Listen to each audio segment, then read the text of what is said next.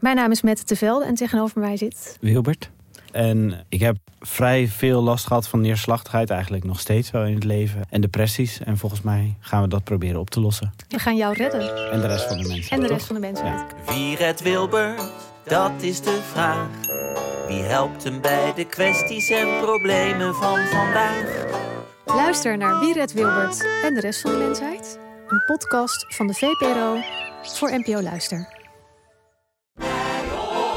Kijk, de Jordaan. Daar ben ik geboren en getogen.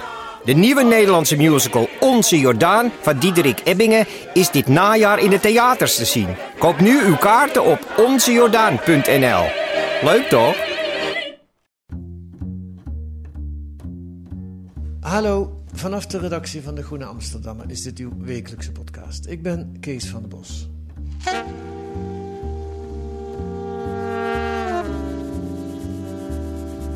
Dictators en schenders van de mensenrechten gaan niet langer vrij uit. Genocideplegers waar ook ter wereld kunnen nu vervolgd worden. Dat waren de optimistische gedachten bij de oprichting van het Internationaal Strafhof in Den Haag in 2002. Het was een volgende stap naar het Joegoslavië en het Rwanda-tribunaal. Twintig jaar geleden is dat bijna. Wat is er sindsdien gebeurd? Er zijn vijf mensen veroordeeld in die twintig jaar, maar veel meer zaken mislukten. Grote landen als de Verenigde Staten en Rusland doen niet mee, werken zelfs actief tegen. Het Hof startte na veel aandringen een onderzoek naar martelingen en genocide in Afghanistan. Maar de vertegenwoordigers van de mensenrechtenorganisaties durven daar hun mond niet meer open te doen. Ze vrezen voor hun leven en vluchten weg als ze kunnen. Tjitske Linksma is journalist. Ze volgt het internationaal strafhof al jaren en schreef er een gezaghebbend boek over. Welkom in de podcast, Tjitske. Dankjewel. En deze week schrijf je over de Afghaanse mensenrechtenactivisten die sinds de Taliban aan de macht zijn eh, in gevaar verkeren. Ehm, dan hebben we het dus niet over de tolken, waar veel over te doen is. Nee, dus veel te doen over de tolken. Maar uh, ik uh, kreeg contact met uh, mensenrechtenactivisten en organisaties. En zij vertelden me dat ze enorme zorgen maken, zich enorm zorgen maken over hun collega's in Afghanistan. En uh, ze zijn dag en nacht uh, bezig om, uh, om mensen eruit te krijgen. Ik kan me wel voorstellen wat die zorgen zijn, maar ik vraag het je toch. Wat is, wat is het probleem? Ja, het probleem is dat ze denken dat mensen vervolgd zullen worden. En iemand noemt ook een voorbeeld van een van de collega's die in de rij stond om geld op te halen wat ze opgestuurd hadden. Um, en hij werd enorm afgeranseld met een zweep. En, en ze denken eigenlijk ook wel dat het te maken heeft met zijn werk. Mm. Um, en bovendien zijn, uh, schrijf ik uh, met name ook over een groep mensen die um, met het, ja, zich ingespannen heeft, zo zal ik het uh, zeggen, zodat het strafhof ehm, aan het werk kon eigenlijk. Ja. ja. Ja. He, dus contacten met slachtoffers, gelegden enzovoort. Ja, goed. En de Taliban zijn daar niet van gediend? Uh, nee, uh, want uh, het strafhof wil, wilde in eerste instantie in ieder geval een aantal organisaties en groepen vervolgen. En de Taliban staan nog steeds op die lijst. Ja. Hetzelfde als IS. Ja. ja, en oorspronkelijk ook de CIA of de Verenigde oorspronkelijk Staten. Oorspronkelijk ook Amerikaanse militairen, de CIA en Afghaanse veiligheidstroepen en politie. Daar komen we zo op. Toevallig sprak ik gisteren uh, een, een uh, Afghaanse vertegenwoordiger van de Verenigde Naties, uh, Farouche Leka Unshizada. Ik moet even op mijn briefje kijken om de naam goed uit te spreken. Farouche heet, is haar voornaam. Zij vertegenwoordigde de Verenigde Naties in Afghanistan op het gebied van de mensenrechten, vrouwenrechten met name, kindermishandeling. En ze deed ook nog iets bij de Verenigde Naties voor drugs. ken je haar of niet? Nee, ik ken haar niet. Maar zij is dus iemand op het niveau van wat je in Nederland ministerspost zou noemen. En die zit nu al twee maanden in Heumesoord, bij Nijmegen, in een vluchtelingenkamp. Uh, en ze was heel verontwaardigd. Want ze zei, ik ben hier op uitnodiging van de Nederlandse regering... en dan stoppen jullie me hier weg in de bossen, in zo'n uh, kamp. K kun je er iets bij voorstellen? Ja, Um, ja, de, de tolken zijn natuurlijk mensen die, um, die voor Nederland hebben gewerkt. Uh, zij is uh, uitgenodigd. Hè. Zij is, dat, we hebben het eigenlijk te maken met evacuees. Ja. En die worden natuurlijk uh, in nou, tentenkampen nu ondergebracht. Um, en dat is natuurlijk het gevolg van jarenlang laks beleid wat betreft bouwen van huizen en onderkomens. Ja, want ze stelde mij de pijnlijke vraag: waarom nodigen jullie ons uit als je geen huis hebt om Ja. ons in te laten wonen? Dat en waarom, ook een- waarom hebben jullie als rijk land eigenlijk geen, niet genoeg huizen voor de mensen om in te wonen? Ja, Leg dat, maar dat is ook uit. een terechte vraag. Ja, ja. En het is natuurlijk verschrikkelijk als je uitgenodigd wordt en eh, je komt in zo'n situatie terecht. En ehm, daarna wacht eh, waarschijnlijk een verblijf in eh, AZC's waar je met eh, twee, drie, vier, vijf, soms wel acht mensen op een kamer zit. ja. ja. Jarenlang. Heeft het, waarom is zij uitgenodigd? Want je hebt ook conta- contact gehad met een aantal mensenrechtenactivisten die niet uitgenodigd zijn, maar die wel proberen om weg te komen uit Afghanistan. Ja, ik heb contact gehad met mensen die hier zijn. Oké. Die, eh, ehm, eh, met eh, de directeur van de organisatie, maar ook met een Afghaan die ehm, onderzoek doet al vele jaren naar mensenrechten schendingen in, eh, in eh, Afghanistan. En ehm, dus zij zijn eh, hier veilig. En, Ze zaten al hier voordat de Taliban en, aan de macht Ja, kwamen. zij is- woont sowieso in Parijs. Ja. Ehm Gizou ehm, Jahangiri is de directeur van de Mensenrechtenorganisatie. En daarnaast, ik heb nog een aantal andere mensen gesproken, maar de Afghaan, dat is ehm Eshan Kane. Mhm. En eh, hij woont, woonde jarenlang, eh, eigenlijk zijn hele leven op een korte periode dat hij eh, vluchteling was. in Afghanistan. En ja, zit nu in een veilig land. Hm. Je En- zegt niet welk land. Nee, dat vertelde hij mij in eerste instantie ook niet. Hm. Dus eh, ik hou dat maar gewoon. Maar het beeld wat je. Ja, dat snap ik. Maar het beeld wat je via hun schetst, is dat, dat nu van de mensenrechtenactivisten in Afghanistan, die zijn bezig, of die hebben dat al gedaan, alle bestanden te vernietigen, alle spullen op te ruimen, want alles kan nu tegen ze gebruikt worden. Ja, dat is natuurlijk heel dramatisch. Ehm, alles wat ze opgebouwd hebben. Ze hebben het gevoel dat alles wat ze opgebouwd hebben, dat dat eh, verwoest wordt. Tot en met de prijzen die ze wilden uitreiken, die hebben ze maar verwoest. Boeken, bulletins, eh, maar dus ook bewijsmateriaal. En ehm, dat is natuurlijk buitengewoon tragisch. Ja. Ja. En mensen hebben ook echt het gevoel dat, het, eh, dat hun bouwwerk eh, instort, dat hun huis wegspoelt. Ja, er was wel sprake van een bouwwerk, dus in die zin heeft die, die inval in Afghanistan wel enige ruimte gegeven. Nou, dat vond ik ehm, ontzettend leuk, moet ik zeggen, in het interview met eh, Jahangiri. Ehm, zij vertelde heel erg gepassioneerd over wat er, wat er wel bereikt is. En eh, hoe Afghanen de ruimte die er ontstond eh, zijn gaan, gaan innemen, gaan gebruiken. Dus ehm, meedoen aan de verkiezingen. Ze zei ja.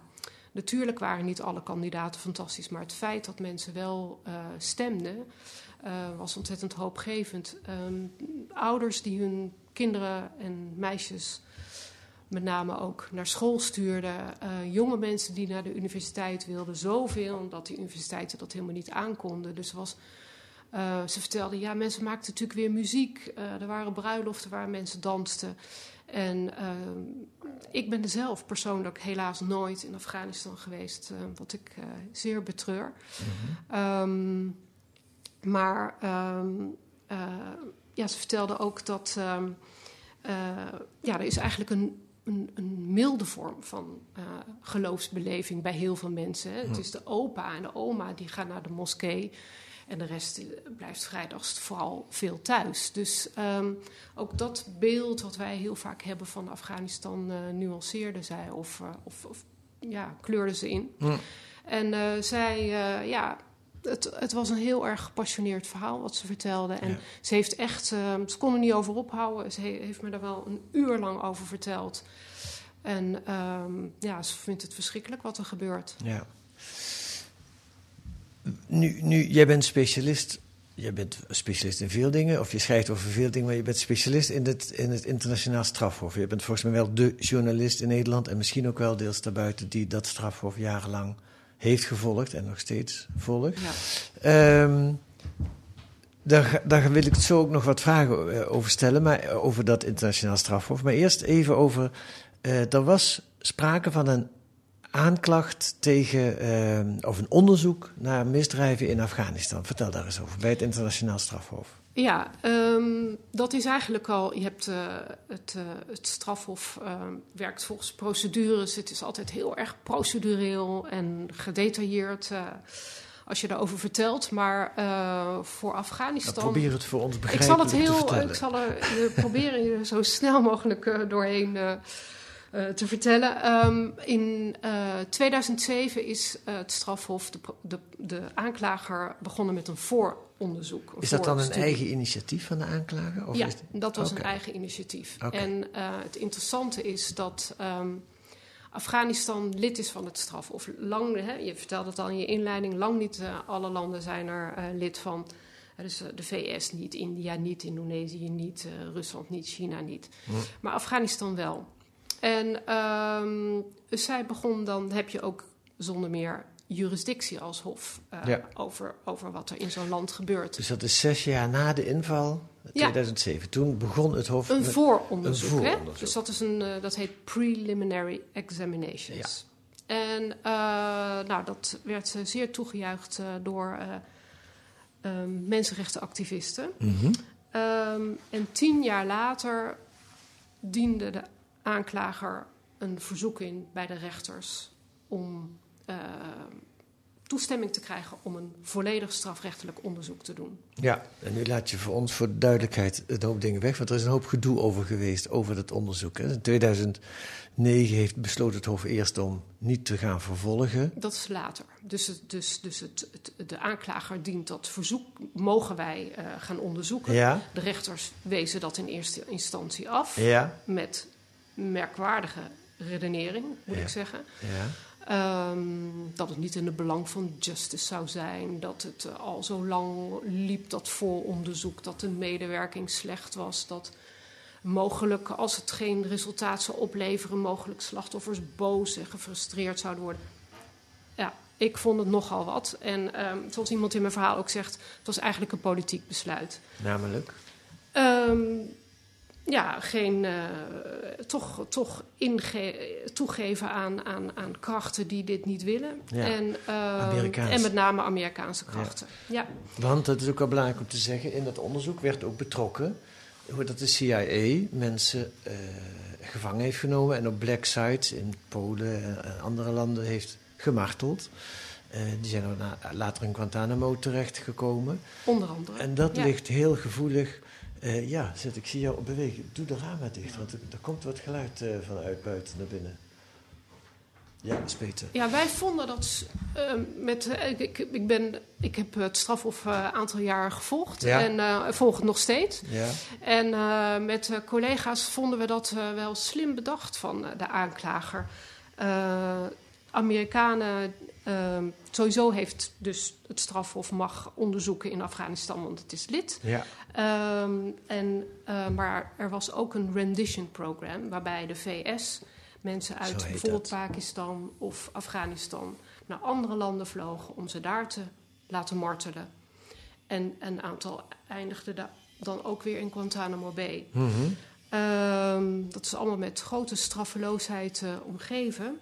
En, uh, en het is natuurlijk, die rendition programs waren natuurlijk geheim. Dus, maar ze, mensenrechtenactivisten en met name ook juristen hebben toch dat weten te reconstrueren. Dus er zijn gevallen bekend. Want Mhm. mm -hmm. de gevangenen die natuurlijk in die black sites, die geheime detentiecentra, uh, eindigen, die worden natuurlijk geblinddoekt. Die weten natuurlijk vaak niet waar ze zijn. Ze hebben van een, um, van een aantal weten ze wel waar ze zijn geweest. En dat blijkt dus ook op Europees grondgebied te zijn gebeurd. Polen, Litouwen en Roemenië. Allemaal landen die lid zijn en waar het, het strafhof dus rechtsmacht heeft. Ja. Terwijl natuurlijk die hele, um, dat Guantanamo Bay en um, uh, de, de, de, de, de verschrikkelijke behandeling, de marteling van, uh, van mensen die uh, in zo'n geheim programma kwamen, die terreurverdachten zouden zijn. Um, ja, is omgeven met grote straffeloosheid. Ja, en de gevoeligheid zit er dan daarin dat je op deze manier, je zou bijna kunnen zeggen via deze omweg, daden van Amerikanen kunt eh, onderzoeken. Terwijl als die in Amerika gebeurd zouden zijn, kan het niet, want de Verenigde Staten heeft zijn zelfs... geen lid. Nee, die Dus willen helemaal niks niet. van de strafhof. Dat doen we Dus het zelf kan, in principe kan het niet. Er is nog wel Nee. een manier waarop het kan, maar dat, zal, dat moet dan via de VN-veiligheidsraad lopen. Nou, dat zal nooit gebeuren Nee. natuurlijk. Nee. Ehm, dus ja, dit was ook wel slim Ja. en ook wel terecht.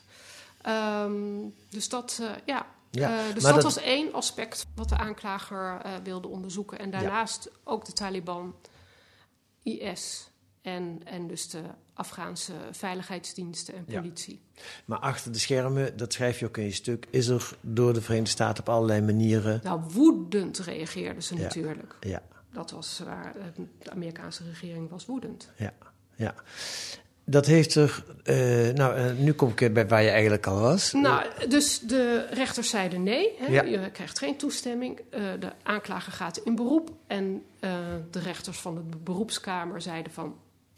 Ga, ga uw gang. Ja. U mag wel onderzoeken. Ja, Maar toen kwam er een nieuwe kink in de kabel. Ehm, de Amerikanen, dat is het idee, hebben grote druk uitgeoefend op Afghanistan.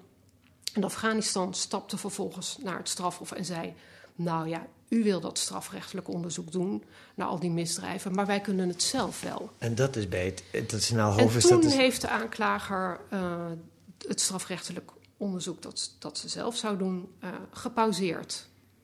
Tot dit jaar. Tot september. Ja, gepauzeerd. Dat betekent. ja, er ze moet dan- hebben het stilgelegd. Ze hebben, ehm, eh, ze hebben geen actief groot eh, onderzoek opgezet. En hebben dus Afghanistan de kans gegeven om het zelf te doen. Ja. Afghanistan stuurde duizenden pagina's in, eh, in Afghaanse eh, talen naar, ehm, eh, naar het strafhof. Die dat allemaal moest gaan vertalen in het Engels en Frans. Zo kun je dat natuurlijk ja. ook wel de boel ook wel een beetje vertragen natuurlijk. Ja. Toen het- de aanklager zei van nou, er zit eigenlijk niks substantieels bij. Toen hebben ze nog een paar duizend ehm, pagina's gestuurd. En, ehm, En dat was en eigenlijk dat is om te bewijzen. vertragingstactiek. Ja, wij kunnen het zelf wel Wij kunnen het zelf Ja. wel, maar eigenlijk zat er geen, geen, geen echt. ehm, er zat geen, er zat er geen aanwijzing in dat Nee. eh, Afghanistan daar serieus mee bezig was.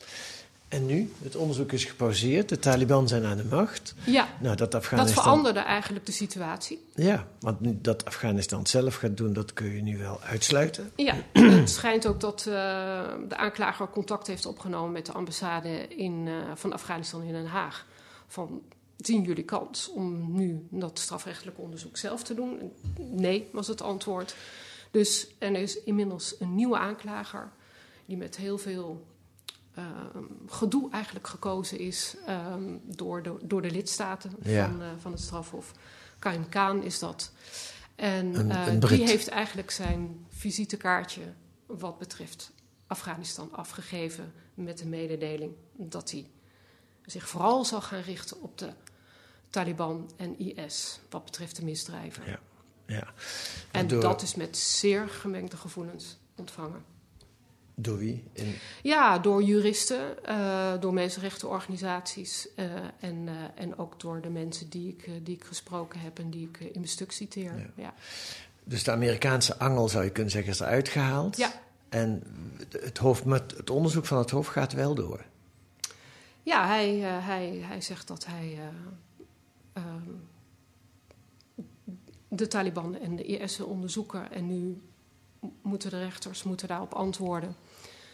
Ik zei al, hè, het zit vol met procedures. Ja, Dit, dit bedoelde ik dus. Ja. En ehm, ja, je kunt je afvragen, kijk, een, eh, die zaken bij het strafhof. eh, ja, bewijs is natuurlijk cruciaal. ja. En de vraag is natuurlijk hoeveel bewijs er ligt nu bij het Ja, strafhof. zeker. En hoe ze dat bewijs gaan krijgen. Want Ja. het is heel erg moeilijk om bewijs eh, te vinden. Ja, Het, is zeker. gewoon, het zijn moeilijke, eh, moeilijke zaken. Sowieso moeilijk, omdat je ook dat in het buitenland moet doen. En je bent afhankelijk van staten als internationale hof. Ze hebben geen eigen Ze hebben geen, politie. geen eigen politie, dus ja. Nee, maar in dit geval... Maar niet alleen voor bijvoorbeeld arrestatiebevelen, uit, hè, om dat uit te voeren. Mhm. hè, wie, gaat, wie arresteren ben je afhankelijk van andere staten. Maar ook voor eh, toegang op een grondgebied of voor het verkrijgen van, eh, van, van bewijsmateriaal. En ik heb gevraagd aan een van de, aan mijn gesprekspartners. En uh, ze zeiden dat ze niet denken dat er al een hele. Ze hopen dat er een zaak klaar ligt. Maar dat denkt. Ja, daar is onduidelijkheid over. En eentje zei van nou, ik denk dat ze misschien een lijst met verdachten hebben. Ja. Maar niet het helemaal, zeg maar, doorgerechercheerde bewijs. Ja. Dus ja, hoe ga je bewijs nu rondkrijgen? Ja, te meer daar wat je net zei, in Afghanistan zelf de mensenrechtenorganisaties monddood zijn inmiddels. Ja, en bewijs ook vernietigd wordt. Dus uh, de vraag is, waar is dat bewijs? Er is Ja. ook um, in een vorig verhaal wat ik voor De Groene schreef... Uh, ging over de nieuwe aanklager. En daarin vertelde iemand die op dat bureau uh, van de aanklager lang heeft gewerkt... en nu een Engelse rechter is... die doet ook een oproep aan, aan landen om uh, intelligence te delen. Want mm. hij zegt, ja, er is heel veel informatie... maar het wordt niet met ons gedeeld. En um, hij zei, ja, waar we dan nog wel enigszins succesvol in zijn... in de vervolging is, als je het hebt over een soort de middencategorie... Uh, militieleiders. Maar verdachten met een staatsconnectie zijn ontzettend moeilijk om, ja. uh, om te vervolgen. Even nog tot slot over dat Afghanistan. Is het, hoe belangrijk is het voor de mensenrechtenactivisten in Afghanistan, of überhaupt eh, voor, voor oppositie, voor zover als die er is in Afghanistan, hoe belangrijk is het dat dat internationaal strafhof doorgaat met zijn onderzoek? Ja, zij hebben hun hoop erop gevestigd. Hè. Er is in uh, Afghanistan vooral straffeloosheid. En um, toen um, een aanwijzing is uh, hoe, hoe, hoe, gewenst eigenlijk uh, vervolging van die misdrijven is. Uh, dat bleek in, toen de aanklager uh, toestemming had gevraagd aan de rechters. En dan wordt er ook altijd gekeken van hoe denken mensen in het land erover. En toen hebben Afghanen twee maanden de tijd gegeven, gekregen om een online formulier in te vullen. En uh, eigenlijk had, uh, zijn 700 uh, formulieren aan de rechters uiteindelijk voorgelegd.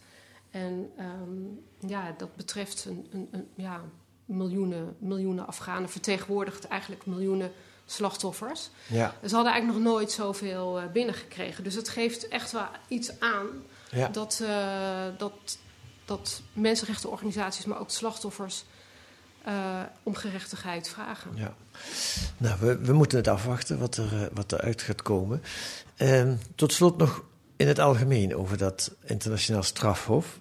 Jouw boek, uh, All Rise, de grote ambities van het internationaal strafhof en de weerbarstige werkelijkheid. Daar zit het eigenlijk al helemaal in, het verhaal, in die titel. Um, dat was in 2014, meen ik, uitgekomen. Ja, de Nederlandse versie nee, en toen ja. nog een, daarna een Engelse versie. Ja. Um, was jij oorspronkelijk ook bij een van die mensen die dachten... ah, dat is goed, dit gaat, dat dit gaat gebeuren, dat Ja. zo'n hoofd er komt? Nou, ik, ja, ja, zeker. En, en nu? Ik, uh, ja, ik ben daar uh, op de publieke tribune gaan zitten en uh, moet zeggen, als je een getuigenverklaring hoort, dat is gewoon indrukwekkend dat, en aangrijpend. Noem eens een dus je- voorbeeld, want de mensen hebben geen beelden van anders. Wel- wel- Welke getuigenverklaring heeft op jou grote Nou, de indruk? allereerste die ik uh, hoorde was een mevrouw. En later begreep ik ook dat ze van mijn eigen leeftijd was. Uh, mevrouw uit de Centraal-Afrikaanse Republiek. Die vertelde hoe ze uh, verkracht was door, dr- door drie mannen. Hoe uh, haar huis geplunderd was, haar buurt geplunderd werd. En hoe haar eigen broer werd vermoord. En dat is natuurlijk een, een heel aangrijpend en afschuwelijk uh, verhaal. En verschrikkelijke ervaringen. Ja. En zo iemand komt toch uh, naar het hof om haar verhaal te vertellen. En, en, en natuurlijk hoopt op, op gerechtigheid. Ja, want de dader, tot wie ze zich richt, die zit dan ook in die rechtbank. Die zit ook uh, in de rechtszaal. Ja. Dat, ja. maakt, dat maakt het natuurlijk ook extra uh, beladen. ja, maar dat geldt natuurlijk voor eigenlijk uh, al Ja. die uh, internationale Ja. Ja. hoven en, uh, en tribunalen. Wat is er nog over van die, van die optimistische verwachting van jou? Van het Nou ja, ik uh, heb de eerste veroordeling uh, meegemaakt. Maar ik heb ook daarna heel veel uh, zaken zien instorten. En um, ja, er zijn twaalf zaken dan geëindigd in ofwel een vrijspraak ofwel dat het gestopt is vanwege gebrek aan bewijs. Ik heb net nog een heel boek zitten lezen van een Amerikaanse professor die, dat, die nog veel gedetailleerder erop ingaat. En ehm, ja, als je ziet hoe het bewijs eigenlijk verkruimelt, terwijl, terwijl het begint heel hoopvol, zo'n proces. En dan met, met grote woorden. En uh, zo'n aanklager kan dat uh, zeer duidelijk en goed en overtuigend neerzetten. En dan gaandeweg verkruimelt een zaak eigenlijk. Dat is wel interessant. Omdat bijvoorbeeld ja. um, de militieleider eigenlijk toch niet een leider van die organisatie blijkt te zijn, maar van een kleiner groepje. Nou ja, er zijn zelfs dat soort fouten worden gemaakt. Of Um, de, de, eerste zaak die dan wel eindigde in een uh, veroordeling ging om kindsoldaten. Um, maar eigenlijk de kindsoldaten die kwamen spreken um, zeiden dat ze hun, trokken hun verklaring in, of een aantal daarvan. Uiteindelijk zijn al die verklaringen van die kinder, kindsoldaten niet meegeteld. Ja, en terwijl dat ging over het inzetten en recruteren en, uh, van kindsoldaten. En dan is het toch wel opmerkelijk dat voor het vonnis geen enkel van die verklaringen nog meetelt. Ja, ja dat, dat, dat, dan, dat is wel opmerkelijk, laat ik het zo zeggen. En ik ben zelf, uh, ja, je wordt wel uiteindelijk. Ik weet wel dat ik met collega's op een gegeven moment zei van nou, dit gaat wel richting een failed institution. Dit, dit falende instituut. ja, een falend instituut. Want die zaken die dan verkruimelen of die stukken... Kijk, sowieso zijn er maar vijf veroordelingen geweest. Dat is heel weinig. Sinds 2002, hè? Dus dat is toch niet echt heel veel. Nee. Eh, allemaal in Afrika, volgens mij. Maar die zaken die verkruimelen, is dat dan... Hoe komt dat? Is dat dan slecht werk van de onderzoekers van het Hof? Ja, dat is, dat, is, dat is voor een deel uh, slecht werk van het Hof. Uh, ja, je te veel leunen op uh, tussenpersonen. Um, uh, ja, toch echt zaken aannemen die toch heel anders blijken te liggen. Uh, slecht begrip, hè, zoals in het boek wat ik nu net gelezen heb, dus het is nogal vers nu. ja, een verkeerd begrip van de, van de situatie, van de oorlogssituatie. Niet eens de meest verantwoordelijke arresteren. De, de, de personen die. Uh, de verdachten waar het in deze zaken om ging, hè, waar Congolese uh, verdachten, die zaten al in de gevangenis in Congo, dus die konden makkelijk uitgeleverd worden. Mm. Um, ja, um, en, uh, en in andere zaken speelt ook wel mee dat bewijs niet overgeleverd wordt. Dus dat, dat geldt bijvoorbeeld voor, voor, voor Keniaanse zaken, daar waar de Keniaanse president is aangeklaagd. Dus structureel zitten ze dus het al zit op een... twee fronten ja. eigenlijk. Hè? Je, ja. je, intern is het niet goed. Hebben ze uh, slecht onderzoek gedaan. Uh, en, uh, en waardoor het mislukte. En, en, en je zou kunnen zeggen ook gebrek aan medewerking. Gebrek aan voldoende informatieverschaffing door, door landen. Ja. Ik kan nog wel een voorbeeld noemen. Soudaan. Ja. Of ja. hebben we daar geen tijd meer voor? Jawel, okay. vertel.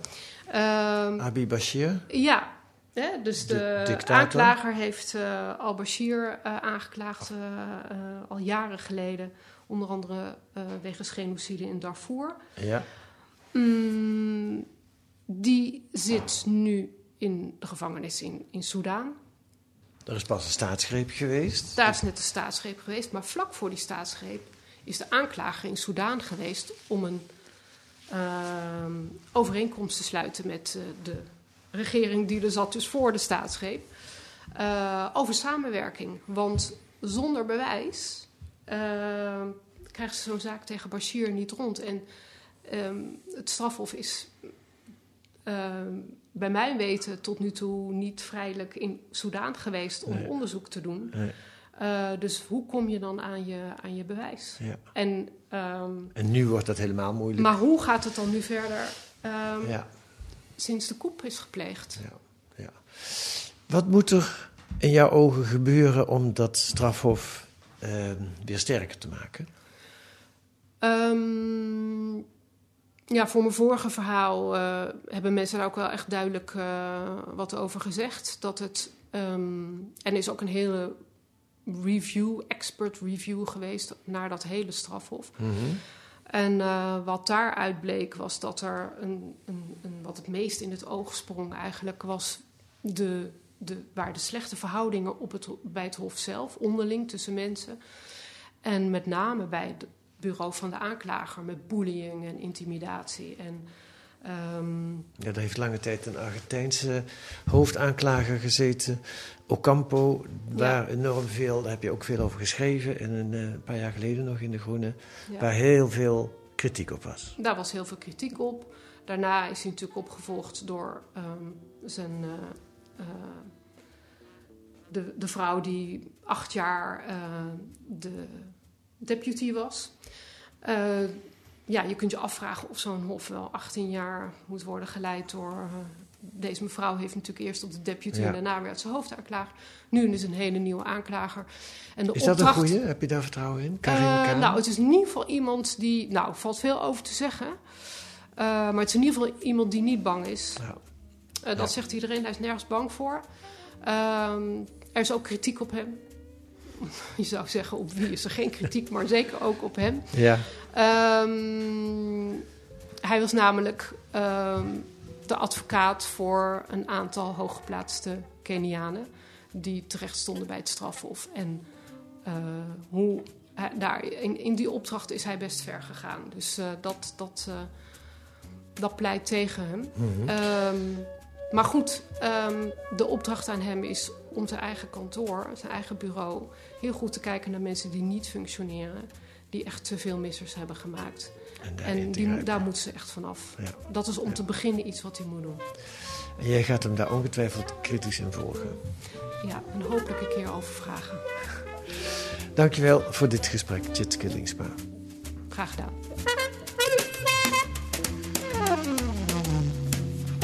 Lees dat deze week in de Groene Amsterdam. Wat staat er nog meer in de Groene? Een onderzoek naar de gezondheidszorg aan arbeidsmigranten. Die blijkt nogal belabberd te zijn, omdat de uitzendbureaus de werknemers vaak na één dag ziekte ontslaan. En het slot van de serie over de waterschappen. Drie weken geleden hoorde u Kim van Keken daarover in de podcast. De bestuurders blijken daar zeer behendig te zijn in het stapelen van lucratieve bijbanen dat beloofden ze toen al dat daar een onderzoek naar zou komen. U kunt dat lezen met een abonnement of een proefabonnement. Ga dan naar groene.nl. Daar leest u hoe u 10 weken de groene kunt krijgen voor 15 euro. Groene.nl. Wilt u reageren, dan kan dat via de mail podcast.groene.nl. U kunt ons ook veel sterren geven. Dat, u mag ons ook veel sterren geven in uw podcast-app. Dan verschijnen we hoger op allerlei lijstjes. Volgende week zijn we er weer met analyses en achtergronden bij het nieuws in deze podcast van de Groene Amsterdammer. Die deze week werd gemaakt door Z. Vazel en Kees van der Bos. En de muziek is de Tune for N van Paul van Kemenade.